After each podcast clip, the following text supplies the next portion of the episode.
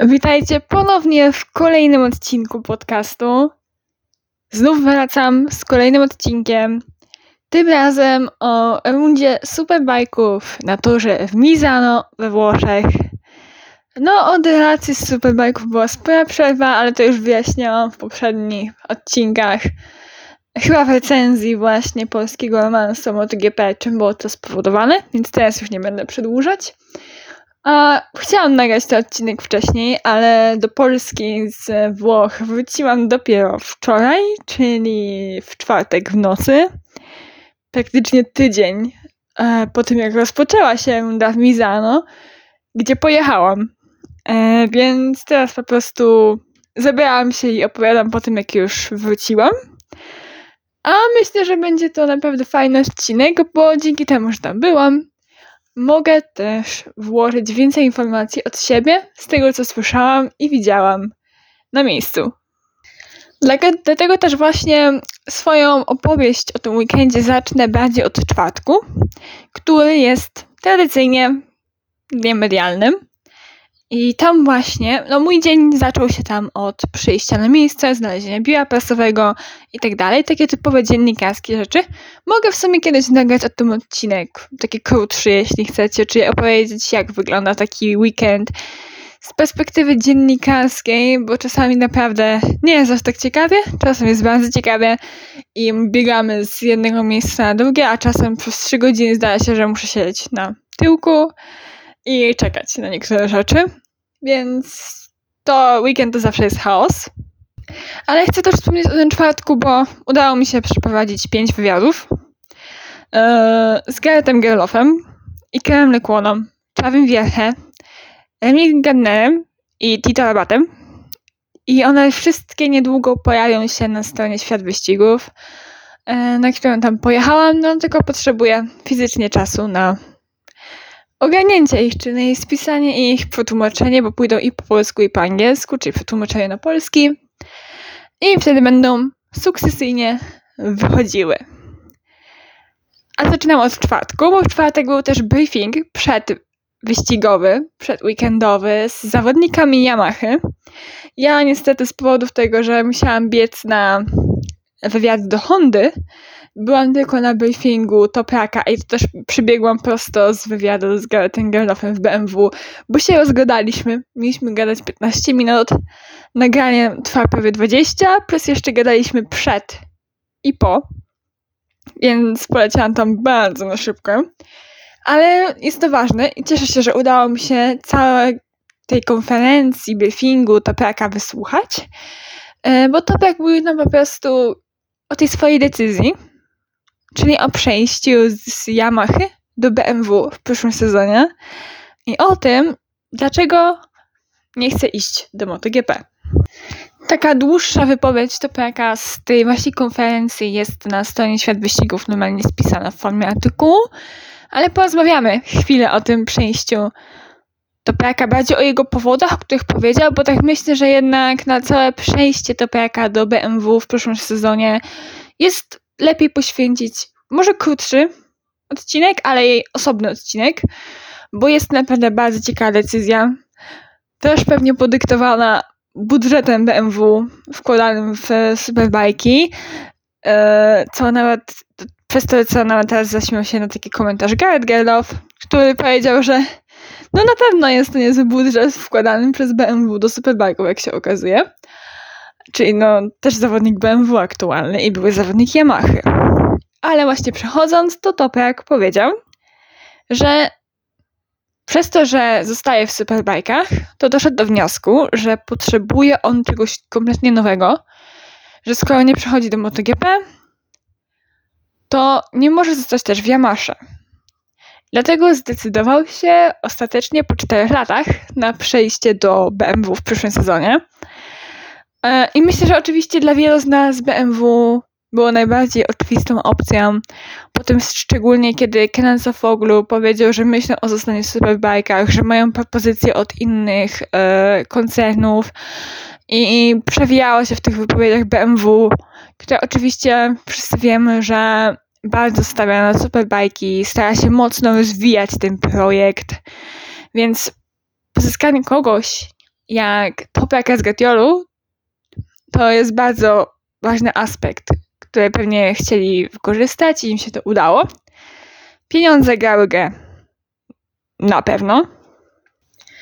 I będzie myślę, że Topeka z Gatiolu będzie ważnym elementem w rozwoju motocykla BMW. Jego talent i jego wiedza. E, o to też spytałam Gareta Gerloffa w wywiadzie, więc później będziecie mogli przeczytać, co on dokładnie powiedział. O tym, że Topek też przenosi się do BMW z Yamaha i jak on widzi jego przyjście e, właśnie do BMW. Ale ciekawe jest to, że jeden z dziennikarzy, który siedział obok mnie, zapytał Topeka z Gatielu, kiedy zaczął on myśleć o tym, że MotoGP to jednak nie jest kierunek, bo to wiemy, że o tym myślał, ale kiedy? I okazało się, że myślą o przejściu o MotoGP mocniej aż do testów, które zostały mu zorganizowane, w których brał udział. I wtedy jego myślenie się zmieniło. Bo nawet y, w wypowiedzi po tym, jak ogłoszono jego przejście do BMW i rozstanie, a wcześniej rozstanie z Yamahą, Nesgatielu wspominał o tym, że nie poczuł się dobrze na motocyklu MotoGP, nie poczuł, że to jest jego motocykl, że to jest coś, na czym może coś zrobić. E, dodatkowo Turek stwierdził, że no, w MotoGP nie ma aż tylu wolnych miejsc, wbrew pozorom. E, po prostu niektóre zespoły je mają, ale nie są to zespoły fabryczne, na czym mi zależało. Bo celem Topraka i Kenana Sofoglu, co myślę, że wiele z Was wie, było przejście do MotoGP do zespołu fabrycznego. E, bo dla Zgatiolu nie tyle ważny był tytuł pierwszego Turka w MotoGP, co to, żeby mógł wygrywać i walczyć o mistrzostwo. Może nie łatwo zgarniać mistrzostwa jak Ducati, ale wygrywać, stawać na podium i o nie walczyć. Albo chociaż być blisko wygrywania i stawania na podium. A przez to stawiali oni na motocykl na zespół fabryczny, który ma większą szansę na danie im tego. Ale wiemy, że Yamaha w MotoGP aktualnie lekko mówiąc nie domaga. I też właśnie Tomek stwierdził o tym, że po prostu nie pasował mu motocykl MotoGP, że jest inne ułożenie siedziska, nie było mu łatwo jechać. E, czuł się tragicznie. I wtedy właśnie doszedł do wniosku, że zaczął rozmawiać z Kenanem o tym, żeby do MotoGP po prostu jednak nie przechodzić, zostać w superbajkach, tylko odejść z Yamahy. Tak właśnie stało się to, że mamy teraz Topeka z Gatielu w BMW, mamy teoretycznie wolne miejsce w zespole fabrycznym Yamaha w Superbike'ach, bo Andrea Locatelli zostaje na kolejne sezony, więc jest jedno wolne miejsce, na które myślę, że wszyscy podejrzewają, że mamy kilku kandydatów, y, ale w pierwszej kolejności Franco Morbidelli, którego wiele osób nie widzi utrzymującego swoje miejsce w MotoGP, w Yamaha aktualnie, bo Franco Morbidelli aktualnie nie potrafi Oczywiście motocykl nie jest tym, co można było sobie wymarzyć, bo nawet Fabio Quartararo ma z nim problemy. Strasznie na niego narzeka, mówi, że ciężko się na nim jedzie. Dosłownie taka zabiła się z Yamaha taka druga Honda aktualna, gdzie tylko jeden zawodnik w jakikolwiek sposób daje sobie z tym motocyklem radę, więc Franco Morbidelli jest w bardzo złej pozycji. Odkąd, właściwie odkąd przeszedł do tej fabrycznej Yamaha po tej swojej kontuzji został tam przesunięty, Myślę, że wszyscy pamiętają akcję z tym, że Winiales odszedł i tak dalej. Więc jest on jeden z osób przymierzanych na miejsce w superbajkach. Dodatkowo oczywiście mamy zawodników e, GRT Yamaha, czyli Remiego Gardnera i Dominika Gartera, którzy radzą sobie naprawdę dobrze. Dla Gardnera jest to oczywiście pierwszy sezon w superbajkach, tak samo jak Agatera, ale jest to trochę inna sytuacja, biorąc pod uwagę to, że Agarter był mistrzem świata w supersportach i dominatorem tam, a Gardner przed MotoGP. Oboje się uczą tych motocykli jeszcze, ale radzą sobie bardzo dobrze. Agerter nawet aktualnie patrząc na punkty lepiej niż Gardner, więc też są kandydatami. I ciekawe jest to, że na briefingu, to była chyba niedziela, o ile pamiętam, Alex Lowe's wprost powiedział nam, że jego brat, Sam Lowe's, który aktualnie ściga się w Mark VDS z Tony Arbolino w Moto2, także rozgląda się za przejściem do superbajków. Kolejny zawodnik na ewentualne miejsca w superbajkach. Więc można powiedzieć, że mamy silly season w pełni. Choć oczywiście jeszcze wiele rozstrzygnięć i ciężko powiedzieć, co się wydarzy. Albo na przykład to, że podobno zespół Motokosa, gdzie aktualnie jeździ Axel Bassani, który stanął w Mizano na podium w drugim wyścigu, chce wystawić drugi motocykl, bo na razie Motokosa wystawia tylko jeden motocykl i jeździ na nim właśnie Axel Bassani, ale myślę o drugim. Ale przejdźmy już do samego weekendu i samego wyników, bo to jest kolejny temat, na którym można było zmieniać długo i osobny odcinek o właśnie transferach, przejściach, formie zawodników, kto może utrzymać miejsce, kto jest zagrożony. Zawsze jest mnóstwo teorii. Ale przechodząc do weekendu, to Ducati, a szczególnie Alvaro, byli po prostu poza zasięgiem kogokolwiek. Nawet innych Ducati, czyli Michaela Benalinaldiego, który także radził sobie dobrze, no nie licząc drugiego wyścigu. Właściwie to Michael wiedział, że tak będzie, że będzie miał dobre tempo, szczególnie po piątku, ale że Alvaro będzie nietykalny. Rinaldi sam powiedział dosłownie to słowo, że Alvaro jest i będzie w ten weekend nietykalny, no i oczywiście miał rację. Po prostu też Ducati, to stwierdził Tomek Gazgatiolu, Ducati w takich warunkach, jakie mieliśmy w Misano, czyli gdzie było duszno, gorąco, słońce w pełni, radzi sobie najlepiej. To są warunki, które Ducati w superbikach uwielbia, które uwielbia Alvaro Bautista. Po prostu tak samo powiedział Rinaldi, że gdy jest ciepło, oni z tymi motocyklami na torze właściwie tańczą. I wszystko jest pod ich dyktando. Gdy w sprincie było trochę chłodniej, to Pekka z był w stanie walczyć z Alvaro Bautistą. I to jest coś, na co on liczył w piątek, mówiąc do nas właśnie, że ma nadzieję, że w sobotę, a tym bardziej w niedzielę, bo takie były prognozy, że będzie chłodniej. Powtórzył to jeszcze w sobotę. Mam nadzieję, że w niedzielę będzie chłodniej, a najlepiej, żeby padało.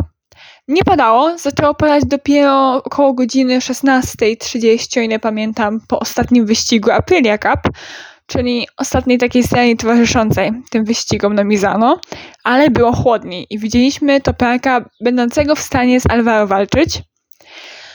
Szczerze mówiąc, myślę, że gdyby nie ta czerwona flaga e, spowodowana upadkiem, zderzeniem się i Karol Kłony i Daniela Petrucciego, Myślę, że oglądalibyśmy więcej walki pomiędzy Alvaro a Toprakiem i być może Toprak byłby ją w stanie nawet wygrać.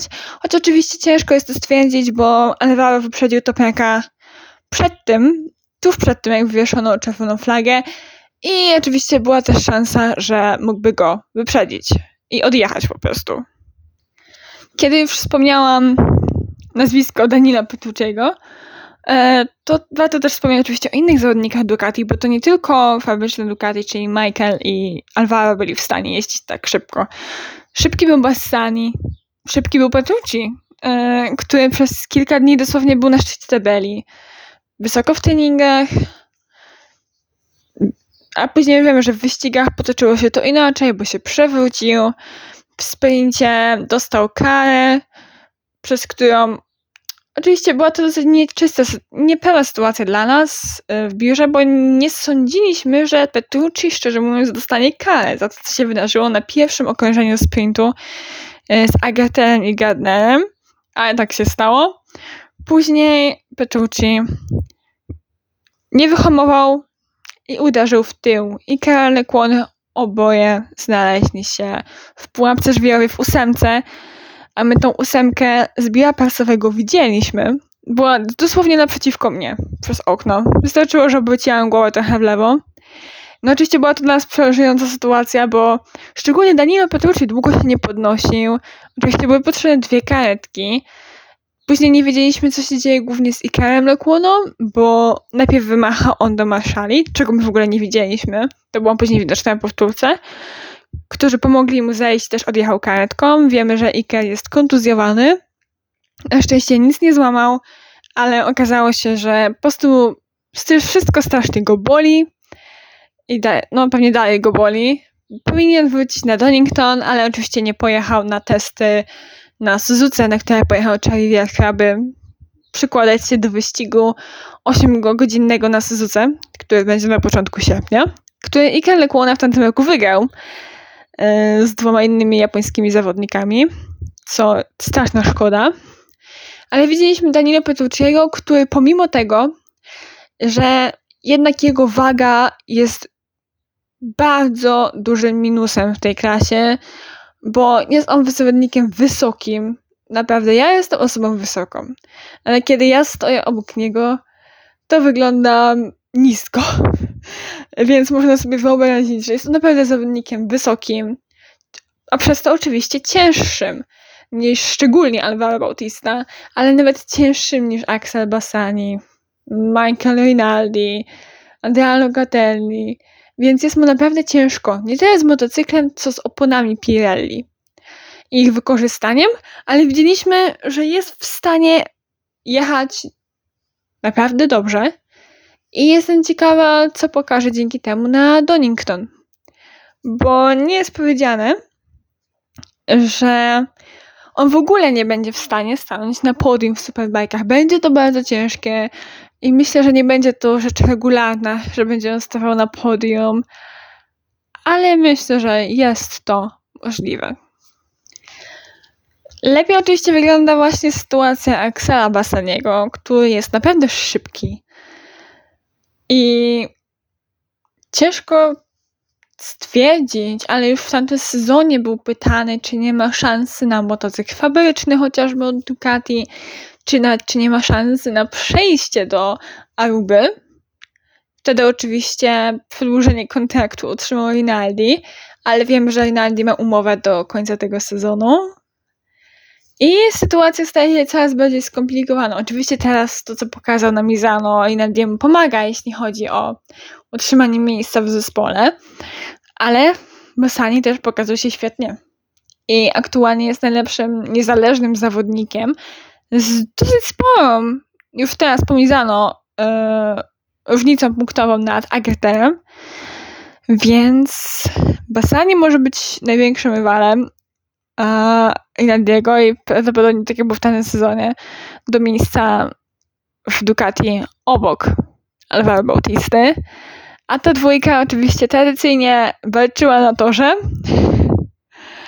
więc dla Axela Bassaniego nie ma znaczenia, czy Michael Rinaldi jest na czerwonym motocyklu, czy na żółtym motocyklu, bo Ducati jeździło w specjalnych kombinezonach i w specjalnym malowaniu żółtym. Oni zawsze będą walczyć.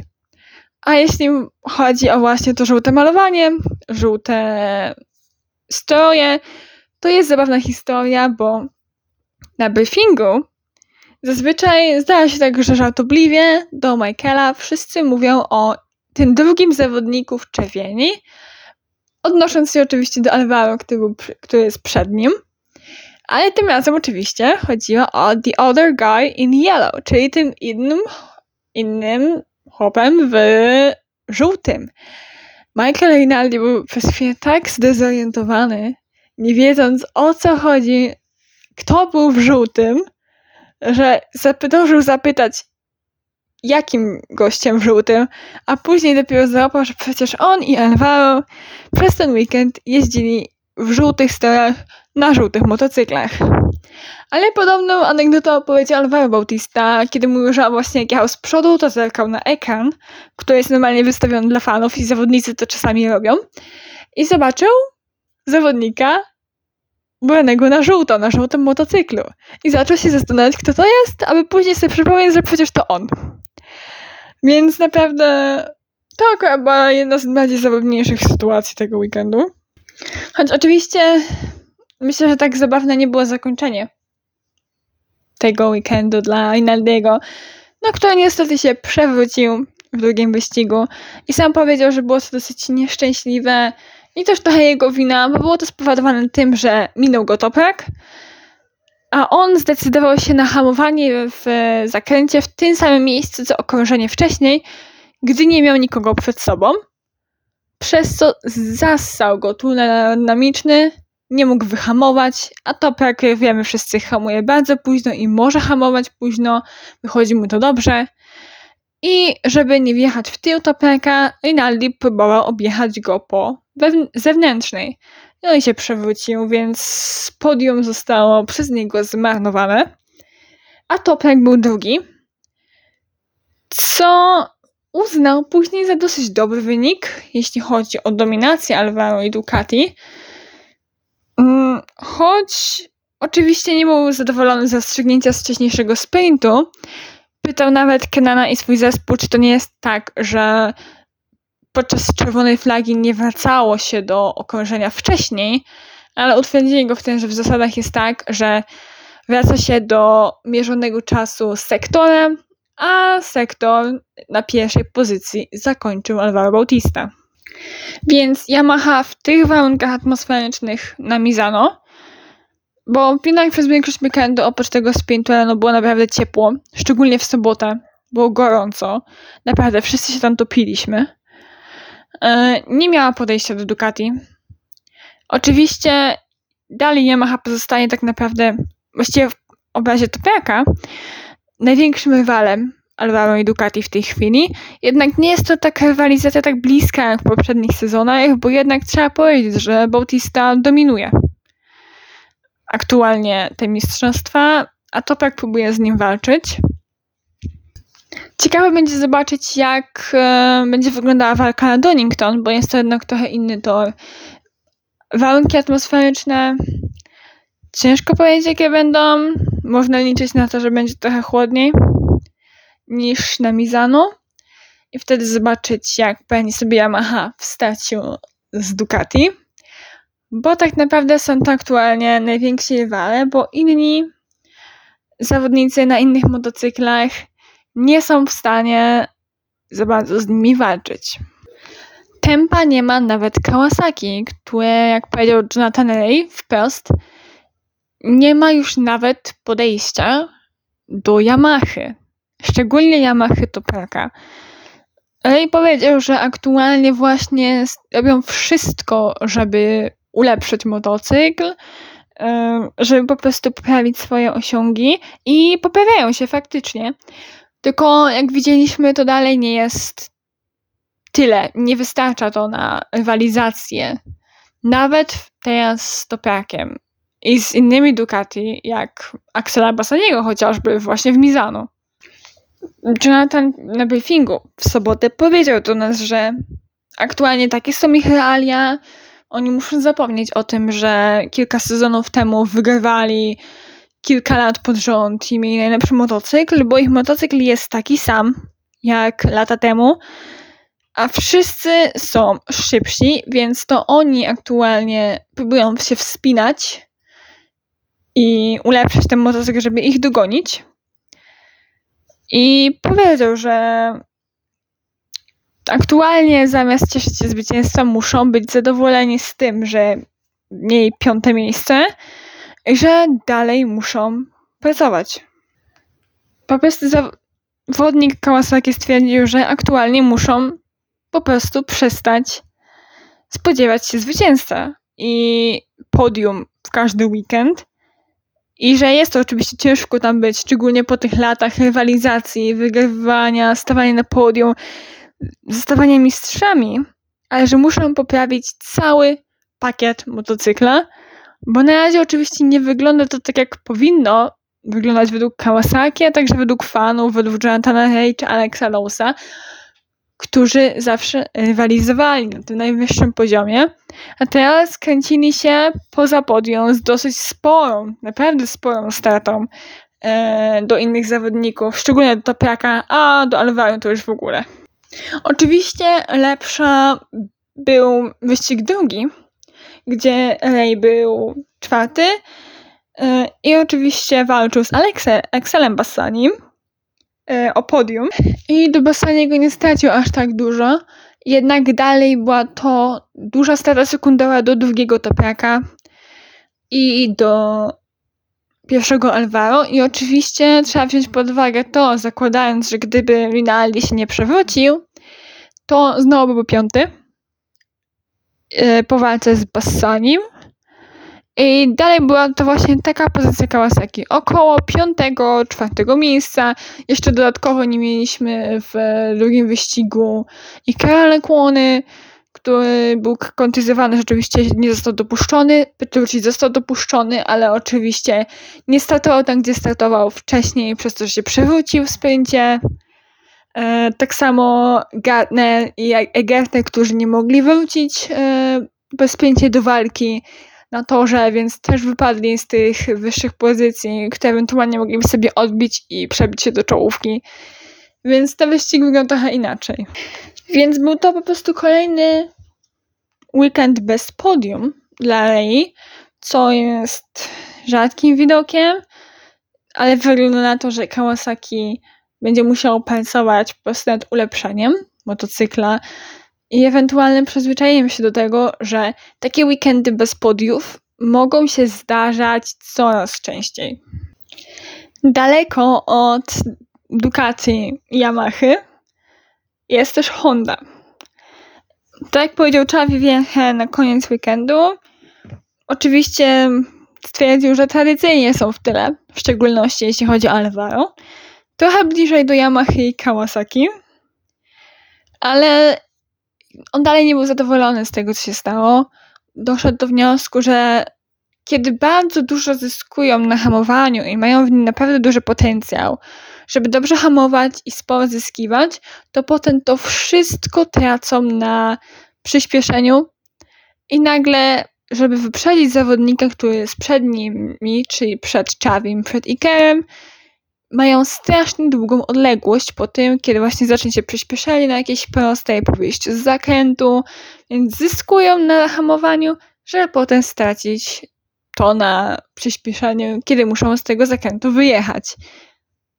Oczywiście Czawie i tak zajął naprawdę dobre miejsce, bo piąte w drugim wyścigu, ale też Czawie jest znany z tego, że on właśnie na Mizano zazwyczaj dobrze sobie radził. Stwierdza, że motocykl Hondy powinien właśnie dobrze działać na Mizano. Oczywiście w ten weekend stwierdzi, że nie było tak dobrze, jak mogłoby być. Ale Wielche jest jednak kimś, kto dobrze radzi sobie na Mizano. Oczywiście w drugim wyścigu nie mieliśmy kłony właśnie przez upadek i kontuzję, więc ciężko powiedzieć, gdyśmy mieli też w drugim wyścigu właśnie drugą Hondę e, do porównania tego, jak to wyglądało. Szczególnie biorąc pod uwagę to, że Chavi Wielche był zadowolony z testów właśnie na Mizano tylko miesiąc wcześniej praktycznie i był zadowolony z tego, jak jeździło mu się z nowym wahaczem, kiedy Iker nie był z tego zadowolony, źle mu się jeździło w Mizano w tych testach, źle mu się jeździło z nowymi wahaczami, więc on raczej nie stawiał na rozwiązania z testów, kiedy Chavis stawiał na rozwiązania z testów. Z tym wahaczem jedzie coś do Donington. Nie wiemy, co z Iker do końca. Szansa na to, że będzie w Donington jest bardzo duża, bo już widzieliśmy, że jeździ na rowerze stacjonarnym i ćwiczy normalnie. Ale to też jest ciekawa sprawa. Jak Inkarnekłona poradzi sobie, szczególnie po takim upadku i nie lubiąc rozwiązań z testów właśnie na Donington. A oczywiście gdzieś tam za Hondą, czy czasami między Hondą, było BMW. Najlepszym BMW w ten weekend był Gareth Gerloff yy, z Bonowo, czyli z zespołu niezależnego. I jest to chyba aktualnie najszybszy zawodnik BMW, szczególnie jeśli chodzi o walkę w wyścigach, bo jeśli chodzi o czasy, to bardzo szybki był Tom Sykes, który dopiero wskoczył, co wskoczył na BMW jako support, zastąpienie Michaela Vandermarka, który dalej jest kontuzjowany. Oczywiście Sykes przed Puccetti Kawasaki, bo nie był zadowolony z tego, jak mu się tam jeździ. Na jego miejsce wskoczył tam Tito Rabat, więc był szybki, czasami najszybszy z wszystkich zawodników BMW, ale to jednak Gelow pokazał się najlepiej. On rzeczywiście stwierdził, że miał spięcie lekkiego farta, jeśli można tak nazwać, oczywiście powiedział, ze względu na to, że oczywiście przydały się upadek Ikerowi i Danilo, przez co znalazł się w tej top 9 i dzięki temu nie startował już z 14 pozycji do wyścigu, tylko z 9, bo trzeba wspomnieć o tym oczywiście, że czerwona flaga e, w sesji Super Bowl w sobotę rano bardzo przeszkodziła kilku zawodnikom, a szczególnie właśnie Gerlofowi czy zawodnikom Hondy w poprawieniu czasu, bo szykowali się oni do ostatniego, tego najszybszego wyjazdu, a przez to, że wywieszono czerwoną flagę właściwie półtora minuty przed końcem, to oczywiście sesja się zakończyła i nie mieli już oni szansy na poprawienie swoich rezultatów. Dodatkowo Gerlof powiedział, że w trzecim treningu miał upadek, przez co cały trzeci trening był dla niego do wyrzucenia, więc nie miał szansy testować. Do sesji Superpole właśnie podszedł na czysto. Dlatego zostawił najszybszy wyjazd na koniec. Nie opłaciło się. Dodatkowo BMW miał też problemy w piątek, bo na przykład yy, w treningach zdarzało się tak, że przez większość czasu Gerlof był 17, później był 7 nagle i okazało się, że były to problemy z elektroniką. Weekend swojej nauki, ale też dosyć dobrego wyniku dla Garnofa, kiedy dla Loisa Baza czy Scotta Reddinga jest on kompletnie do zapomnienia. A to wszystko dlatego, szczególnie dla Reddinga, że teoretycznie jego wyniki nie były aż tak tragiczne, oprócz 14 miejsca w drugim wyścigu. Był on głównie wokół pierwszej dziesiątki, około 11 miejsca, tylko biorąc pod uwagę to, że BMW jest zespołem fabrycznym i mierzy w wygrywanie, a Redding jest strasznie niezadowolony, męczy się z tym motocyklem, nie potrafi wbić się za dobrze do pierwszej dziesiątki i właściwie Garrett Gernow w zespole niezależnym potrafi być szybszy od niego, tylko na przykład mieć pecha właśnie w sesji Super Bowl i startować z daleka, przez co BMW już ma problemy z przebiciem się do przodu. Ale kiedy startuje przed, to radzi sobie o wiele lepiej. I jest bardziej zadowolony z tego, co się z tym motocyklem dzieje, to nie wróży to dobrze na resztę sezonu. Choć oczywiście zawsze jest szansa na poprawę, chociaż mam wrażenie personalnie, że tamten sezon wyglądał dla Scotta w BMW o wiele lepiej. Oczywiście już się pojawiają memy, gdzie Topiak patrzy na BMW i zastanawia się, i gdzie ja się wybieram w przyszłym sezonie. No, Ciekawe, jak to się skończy. Bo tak naprawdę aktualnie potencjał BMW nie jest aż tak duży, jak mógłby być, jak mógłby być wykorzystany. Szczególnie biorąc pod uwagę, że naprawdę mają w zespole utalentowanych zawodników. Po Scott Heading, Garrett Gerloff, bardzo doświadczony Tom Sykes. To jest coś, co powinni wykorzystać w walce na torze. Właśnie po Mizano jesteśmy już właściwie w połowie sezonu, więc już tak naprawdę pierwsze obrazy powinniśmy mieć i mamy. Ducati jest bezsprzecznie najsilniejszym zawodnikiem aktualnie. Potrafi gonić jeszcze Yamaha czy Kawasaki. Chociaż zależy to aktualnie, już teraz zaczyna naprawdę to zależeć od tory, od weekendu i od wielu innych czynników bo nie jest aż tak dobrze, jak myślę wielu, żeby chciałoby, żeby było, szczególnie aby mieć rywalizację na czele, bo szczerze mówiąc, pierwszy wyścig na Mizano w sobotę to był chyba jeden z najnudniejszych, najbardziej monotonnych wyścigów superbike'ów, jakie widziałam od lat. Naprawdę, oprócz tego, że Alvaro był pierwszy, to nawet w dalszej części stawki nie działo się aż tak wiele. Więc jestem ciekawa, jak ułożyć to na Donington za kilka tygodni, jak będzie to wyglądało i oczywiście sobie o tym porozmawiamy. Do usłyszenia.